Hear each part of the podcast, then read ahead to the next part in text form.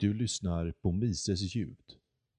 Idag avhandlas sista delen av Socialistisk konservatism av Hans Hermann Hoppe.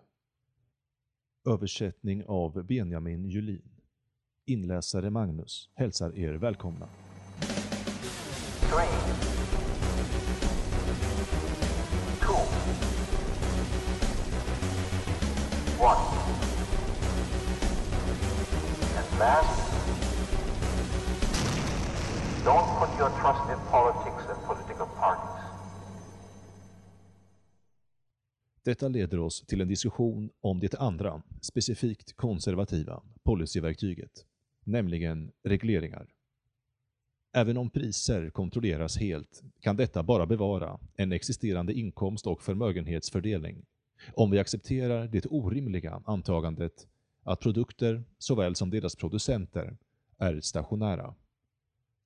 Förändringar av den existerande ordningen kan inte uteslutas om nya produkter produceras, ny teknologi för producerandet av produkter utvecklas eller fler producenter anländer. Allt detta skulle leda till störningar av den existerande ordningen då de äldre produkterna, teknologierna och producenterna som är priskontrollerade då skulle tvingas konkurrera med nya produkter och tjänster som, eftersom de är nya, inte kan ha varit priskontrollerade. Och de skulle antagligen förlora en del av sin andel av inkomsterna till nykomlingarna under konkurrensens gång. För att kompensera för sådana störningar skulle konservatismen återigen kunna använda sig av beskattningsverktyget och gör det ibland till en viss utsträckning. Att låta innovationer ske ohindrat och sedan beskatta bort förtjänsterna från uppfinnarna och återställa den gamla ordningen är dock, som redan förklarats, ett för progressivt policyverktyg för konservativ politik. Konservatism föredrar regleringar som ett medel för att förhindra eller sakta ner innovationer och de samhällsförändringar som de för med sig. Det mest drastiska sättet att reglera produktionssystemet på skulle vara att helt enkelt förbjuda all innovation. Det ska noteras att en sådan politik har sina anhängare bland de som klagar över andras konsumism. Det vill säga det faktum att det idag redan finns för många varor och tjänster på marknaden och de önskar frysa eller reducera den nuvarande mångfalden.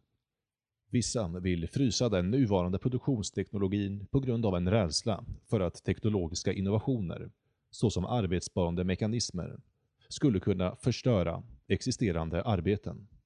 Trots allt har ett strikt förbud av all innovativ förändring nästan aldrig provats på. Det kanske är med undantag för Pol Pot, på grund av en brist på stöd i den allmänna opinionen eftersom människor inte skulle kunna övertalas om att en sådan politik inte skulle vara extremt kostsam för samhällets välfärd. En mer måttlig åtgärd har dock varit ganska populär. Även om ingen förändring förbjuds som princip måste uppfinningen vara officiellt godkänd, det vill säga godkänd av någon annan än uppfinnaren, innan den kan tillämpas. På detta sätt hävdar konservatismen att det är säkerställt att innovationerna är socialt acceptabla, att utvecklingen är gradvis, att den introduceras samtidigt av alla producenter och att alla kan ta del av dess fördelar. Tvångsmässiga, det vill säga regleringsinstiftade karteller, är det vanligaste sättet för att uppnå denna effekt. Genom att kräva att alla producenter, eller alla producenter i en industri, blir medlemmar i en kontrollerande organisation kartellen, blir det möjligt att undvika det alltför uppenbara utbudsöverskottet som orsakas av priskontroller genom införandet av produktionskvoter. Dessutom kan störningar som orsakas av alla innovativa åtgärder då övervakas centralt och begränsas. Medan denna åtgärd dock åtnjutit ett växande stöd i Europa och till en viss grad i USA och medan vissa delar av ekonomin onekligen står under liknande kontroll är den mest populära och mest vanligt använda konservativ-socialistiska regulativa åtgärden fortfarande etablerandet av förutbestämda standarder för förutbestämda kategorier, för produkter eller producenter, som alla innovationer måste uppfylla. Dessa regleringar bestämmer vilka kvalificeringar en person måste uppfylla för att ha rätten att få vara en producent av något slag. Eller så bestämmer de vilken sorts prövningar av exempelvis material, utseende eller mått som en given produkt måste utsättas för innan den kan godkännas. Med sådana regulativa åtgärder kan innovationen varken förbjudas helt, men en ny innovation kommer heller inte komma som en stor överraskning. De förutbestämda standarder som förändringarna måste rätta sig efter kommer att vara konservativa. Det vill säga formulerade efter existerande produkter, producenter eller teknologier. Och det tjänar konservatismen i att det åtminstone kommer att sakta ner innovativa förändringar och begränsa antalet möjliga överraskningar. Oavsett vad kommer alla dessa regleringar, de första mer och de senare mindre, leda till en sänkning av den allmänna levnadsstandarden. En innovation kan bara lyckas och då låta innovatören störa den existerande inkomst- och förmögenhetsfördelningen om konsumenterna värderar den högre än de konkurrerande produkterna. Införandet av regleringar innebär emellertid en omfördelning av egendomsanspråk från innovatörerna till de etablerade producenterna, produkterna och teknologierna. Således kommer innovationsprocessen genom den fullständiga eller partiella socialiseringen av möjliga inkomst- och förmögenhetsvinster från innovativa förändringar att saktas ned. Antalet innovationer och innovatörer kommer att bli färre.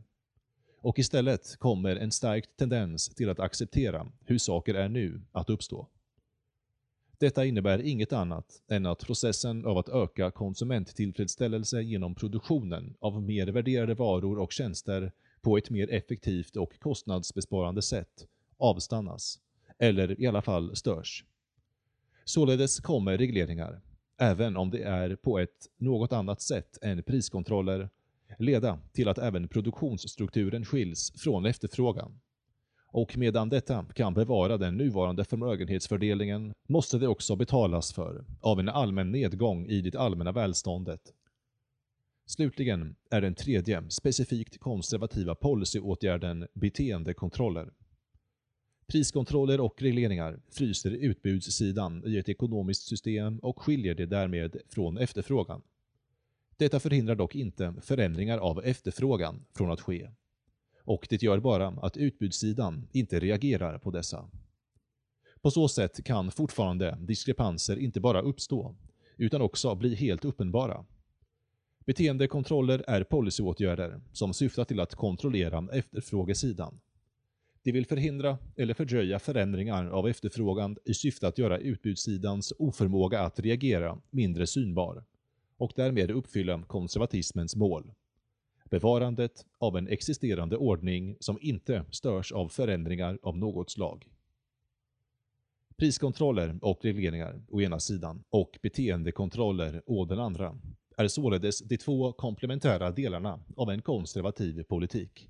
Av dessa två komplementära sidor av konservatismen kan det mycket väl hävdas att det är beteendekontrollerna som är det mest särskiljande inslaget i konservativ politik. Även om de olika formerna av socialism gynnar kategorier av icke-producenter och icke-innovatörer på bekostnad av de kategorier av människor som skulle kunnat producera och innoverat, tenderar konservatism, precis som alla former av socialism, att göra människor mindre produktiva, mindre innovativa och tvinga dem att öka sin konsumtion från, eller styra sin produktiva och innovativa kraft till, svarta marknader. Av alla former av socialism är det dock bara konservatism som har en del av sin plan att direkt störa konsumtionen och icke-kommersiella utbyten. Konservatism förlamar inte bara utvecklingen av ens produktiva talang. Under namnet paternalism vill den också frysa människors beteenden som enskilda konsumenter eller som deltagare i en bytestransaktion av icke-kommersiell natur och därmed kväva eller undertrycka ens förmåga att utveckla den konsumentstil som bäst passar ens egna rekreationsbehov. Alla förändringar av konsumtionsmönster har sina ekonomiska bieffekter. Om jag låter mitt hår växa längre påverkar det frisörerna och saxindustrin. Om fler människor skiljer sig påverkar detta advokaterna och bostadsmarknaden. Om jag börjar röka marijuana har inte detta bara konsekvenser för bruket av jordbruksland, utan även för glassindustrin och så vidare. Och framförallt leder alla sådana beteenden till en obalans i de redan existerande värdesystemen hos alla som känner sig påverkade. Varje förändring skulle således kunna uppfattas som ett omvälvande element jämfört med den konservativa produktionsstrukturen och konservatismen skulle i princip behöva betrakta alla handlingar, hela livsstilen hos människor i deras egenskap som enskilda konsumenter eller icke-kommersiella handelspartners, som föremål för beteendekontroller. I praktiken skulle konservatismen aldrig kunna sträcka sig riktigt så här långt, eftersom det finns kostnader förknippade med kontroller och eftersom det vanligtvis skulle behöva handskas med ett stigande motstånd bland den allmänna opinionen. Vanlig konservatism kännetecknas då istället med ett fåtal, eller flertal, specifika lagar och hinder som förbjuder och bestraffar olika former av enskilda konsumenters eller människor som deltar i icke-kommersiella utbyten, icke-aggressiva beteende. Alltså handlingar som om det utförts varken skulle ha skadat någon människas egendom eller förnekat någon rätten att säga nej till utbytet utan istället bara skulle ha stört den etablerade traditionella uppsättningen av samhällsvärderingar. Återigen är konsekvensen av en sådan beteendekontrollspolitik en relativ utarmning. Genom införandet av sådana kontroller skadas inte bara en grupp av människor av att de inte längre kan bete sig på ett visst icke-aggressivt sätt, utan en annan grupp gynnas också av dessa kontroller då de inte längre behöver tolerera sådant beteende. Mer specifikt är förlorarna i denna omfördelning av egendomsanspråk användarproducenterna av de saker vars konsumtion nu förhindras. Och det som tjänar är icke-användare, eller icke-producenter, av de berörda konsumtionsvarorna. En ny incitamentstruktur uppstår således, för produktion och icke-produktion för en viss grupp. Produktionen av konsumtionsvaror har blivit mer kostsam eftersom deras värde har sjunkit som en följd av införandet av en kontroll av deras användning. Och mutatis mutandis har förvärvet av konsumenttillfredsställelse genom icke-produktiva och icke-kontraktuella sätt blivit relativt sett mindre kostsamt. Som en konsekvens kommer det bli mindre produktion, mindre sparande och investeringar och istället uppstår en ökad tendens att få sin tillfredsställelse på bekostnad av andra, alltså genom politiska, det vill säga aggressiva, medel. Viktigt att notera är dessutom att i den utsträckning beteendekontroller rör hur en person kan använda sin egen kropp sjunker värdet på den och i enlighet med det minskar investeringarna i humankapital. Med detta har vi nått slutet av vår teoretiska analys av konservatismen som en särskild form av socialism. Återigen ska vi för att avsluta vår diskussion notera ett fåtal saker som kan illustrera giltigheten i ovanstående slutsatser. Som vid diskussionen om socialdemokratisk socialism ska dessa illustrativa jämförelser läsas med några förvarningar. För det första kan och måste giltigheten i de slutsatser dragna i detta kapitel etableras oberoende av erfarenhet. För det andra, i den utsträckning som erfarenhet och empiriska bevis är berörda, finns det tyvärr inga exempel på samhällen som skulle kunna studeras för att jämföra effekten av konservatismen med effekterna av andra former av socialism och kapitalism. Det finns ingen quasi-experimentell fältstudie som ensamt skulle kunna ge vad man vanligtvis betraktar som avgörande bevis. Verkligheten är snarare sådan att alla former av politiska åtgärder, konservativa, socialdemokratiska, marxist-socialistiska och även kapitalist-liberala, är så blandade och kombinerade att deras respektive effekter inte vanligtvis kan paras ihop med de definitiva orsakerna utan måste skiljas och återigen förstås genom teoretiska tillvägagångssätt. Med detta i åtanke kan trots allt någonting sägas om konservatismens faktiska historiska konsekvenser. Återigen tillåter skillnaden i levnadsstandarden mellan USA och länderna i Västeuropa en observation som passar den teoretiska bilden. Naturligtvis har Europa, vilket nämndes i föregående kapitel, haft mer omfördelande socialism än USA och är fattigare på grund av detta. Mer uppseendeväckande är dock skillnaden som existerar mellan dessa i konservatismens utbredning.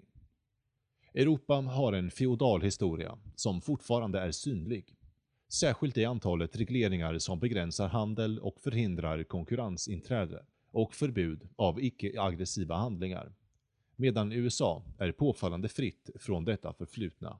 Relaterat till detta är faktumet att Europa under många långa perioder under 1800 och 1900-talet till stor del har styrts av mer eller mindre konservativa partiers politik, medan ett genuint konservativt parti aldrig existerat i USA. Även de socialistiska partierna i Västeuropa var till en stor del påverkade av konservatismen. Särskilt efter att ha blivit påverkade av fackföreningar till att införa ett flertal konservativ-socialistiska påfund, det vill säga regleringar och priskontroller, i de europeiska samhällena under tiden de styrde. Samtidigt som det dock ska sägas att de avskaffade några konservativa beteendekontroller. Oavsett vad, givet att Europa är mer socialistiskt än USA och dess levnadsstandard relativt lägre, har detta i mindre omfattning orsakats av socialdemokratisk socialism i Europa. Orsaken står i större omfattning att finna i den konservativa socialismen, vilket tydliggörs av att beskattningen inte är så mycket större. Men Europa har ett betydligt större antal priskontroller, regleringar och beteendekontroller. Jag ska snabbt tillägga att anledningen till att USA inte är rikare och inte längre innehar 1800-talets ekonomiska växtkraft är inte bara på grund av att de över tid anammade mer av den socialistiska omfördelningspolitiken, utan mer för att de även föll för den konservativa ideologins vilja att upprätthålla status quo genom att skydda inkomst och förmögenhetsfördelning från konkurrens och särskilt skydda de producenter som redan hade genom regleringar och priskontroller. På en ännu mer global nivå passar en annan observation in på den teoretiskt härledda bilden om att konservatism orsakar fattigdom. Utanför den så kallade västerländska världen är de enda länderna som har haft samma dåliga ekonomiska utveckling som de öppet marxistisk-socialistiska länderna just de samhällen i Latinamerika och Asien som aldrig har skilt sig från sin feodala historia på allvar. I dessa samhällen utesluts nu även stora delar av ekonomin från frihet och konkurrens och är istället inlåst i ett traditionellt läge av regulativa åtgärder som alltid bedrivs med hjälp av öppen aggression. För mer specifika observationer indikerar även datan precis vad teorin skulle få en att tro. Om vi återvänder till Västeuropa kan det inte råda någon tvivel om att Italien och Frankrike är de mest konservativa bland de stora europeiska länderna. Särskilt om man jämför med de nordiska länderna som, vad gäller deras socialism, har haft betydligt mer av den omfördelande varianten. Medan skattenivån i Italien och Frankrike inte är högre än någon annanstans i Europa har dessa två länder tydligt fler konservativ-socialistiska drag än man kan hitta någon annanstans.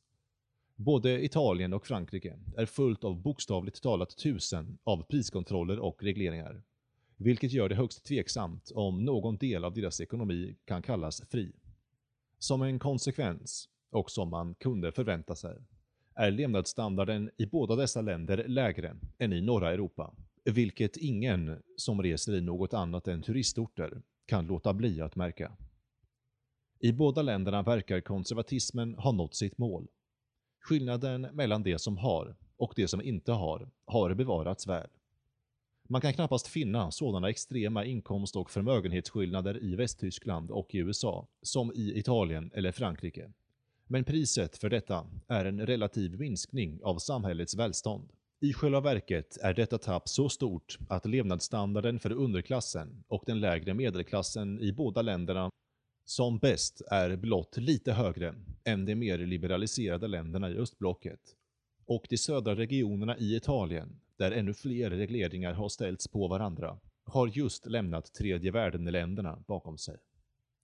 Slutligen, som ett sista exempel som illustrerar den utarmning som konservativ politik leder till, borde experimentet med nationalsocialism i Tyskland och till viss grad italiensk fascism nämnas. Det förstås inte ofta att båda var konservativ-socialistiska rörelser. Det var som rörelser riktade mot den förändring och samhällsomdaning som orsakades av den fria marknadens dynamiska krafter, som det, till skillnad från marxist-socialistiska rörelser, kunde finna stöd bland etablerade innehavare, butiksägare, jordbrukare och entreprenörer. Att från detta dock härleda att det måste ha varit en prokapitalistisk rörelse, eller till och med den högsta formen av den kapitalistiska utvecklingen innan dess nedgång, vilket marxister ofta gör, är helt fel. I själva verket var fascismen och nazismens största fiende inte socialismen som sådan, utan liberalismen. Båda avskydde naturligtvis den socialism som representerades av marxister och bolsjeviker, eftersom de åtminstone ideologiskt sett var internationalister och pacifister. De litade på historiens krafter som skulle leda till att kapitalismen förintade sig själv. Medan fascism och nazism var nationalistiska rörelser som var hängivna krig och erövring. Antagligen ännu viktigare för dess stöd bland allmänheten var skillnaden att marxisterna menade att de som redan hade skulle bli exproprierade av de som inte hade och att samhällsordningen på så sätt skulle vändas upp och ned. Medan fascismen och nazismen lovade att den nuvarande ordningen skulle bevaras. Som förklarats tidigare innebar dock detta mål, och detta är avgörande för varför det kallas socialistiska snarare än kapitalistiska rörelser. Ett precis lika stort förnekande av den enskilda användarägarens rätt att göra vad han tycker verkar bäst med sina saker. Och innebar i lika stor grad som en marxistisk politik att människor som varken producerat eller på ett kontraktuellt sätt fått saker i fråga exproprierade de naturliga ägarna. För att nå detta mål gjorde både fascismen och nazismen precis det kategoriseringen av dem som konservativ socialistiska skulle ha fått den att förvänta. De reglerade och kontrollerade ekonomierna strikt och privat egendom var bara tillåtet till namnet, men hade de facto blivit meningslöst eftersom rätten att använda sakerna man ägde nästan förlorats helt till politiska institutioner. I synnerhet just nazisterna införde ett system med nästan fullständiga priskontroller, inklusive lönekontroller, gjorde upp fyra års planer, nästan som i Ryssland där planerna gällde under fem år, och upprättade myndigheter och styrelser för ekonomisk planering och utvärdering, som hade som uppgift att godkänna alla anmärkningsvärda förändringar av produktionsstrukturen. En ägare kunde inte längre bestämma vad som skulle produceras och hur, från vem han skulle köpa och till vem han skulle sälja, vilka priser han skulle betala och vilka han skulle ta, eller hur några förändringar skulle implementeras. Allt detta skapade säkerligen känsla av säkerhet. Alla var garanterad en fixerad position och löntagare såväl som kapitalägare tog emot en i nominella termer stabil, eller till och med stigande, inkomst. Dessutom stärktes illusionen om ekonomisk utveckling och att samhället var rikt av gigantiska påtvingade arbetsprogram, värnpliktens återkomst och slutligen av införandet av en krigsekonomi. Som man skulle kunna förvänta sig från ett ekonomiskt system som eliminerar producenternas incitament att anpassa sig till efterfrågan och anledningarna att låta bli att inte anpassa sig, och som därmed skiljer efterfrågan från produktionen var denna rikedomskänsla dock ingenting annat än en illusion. I verkligheten föll människors levnadsstandard mätt i hur många varor de kunde köpa för sina pengar. Inte bara relativt, utan även absolut. Oavsett vad, även om man bortser från all förstörelse som orsakades av kriget, blev Tyskland, och till en mindre utsträckning Italien, utarmade efter att nazisterna och fascisterna besegrats.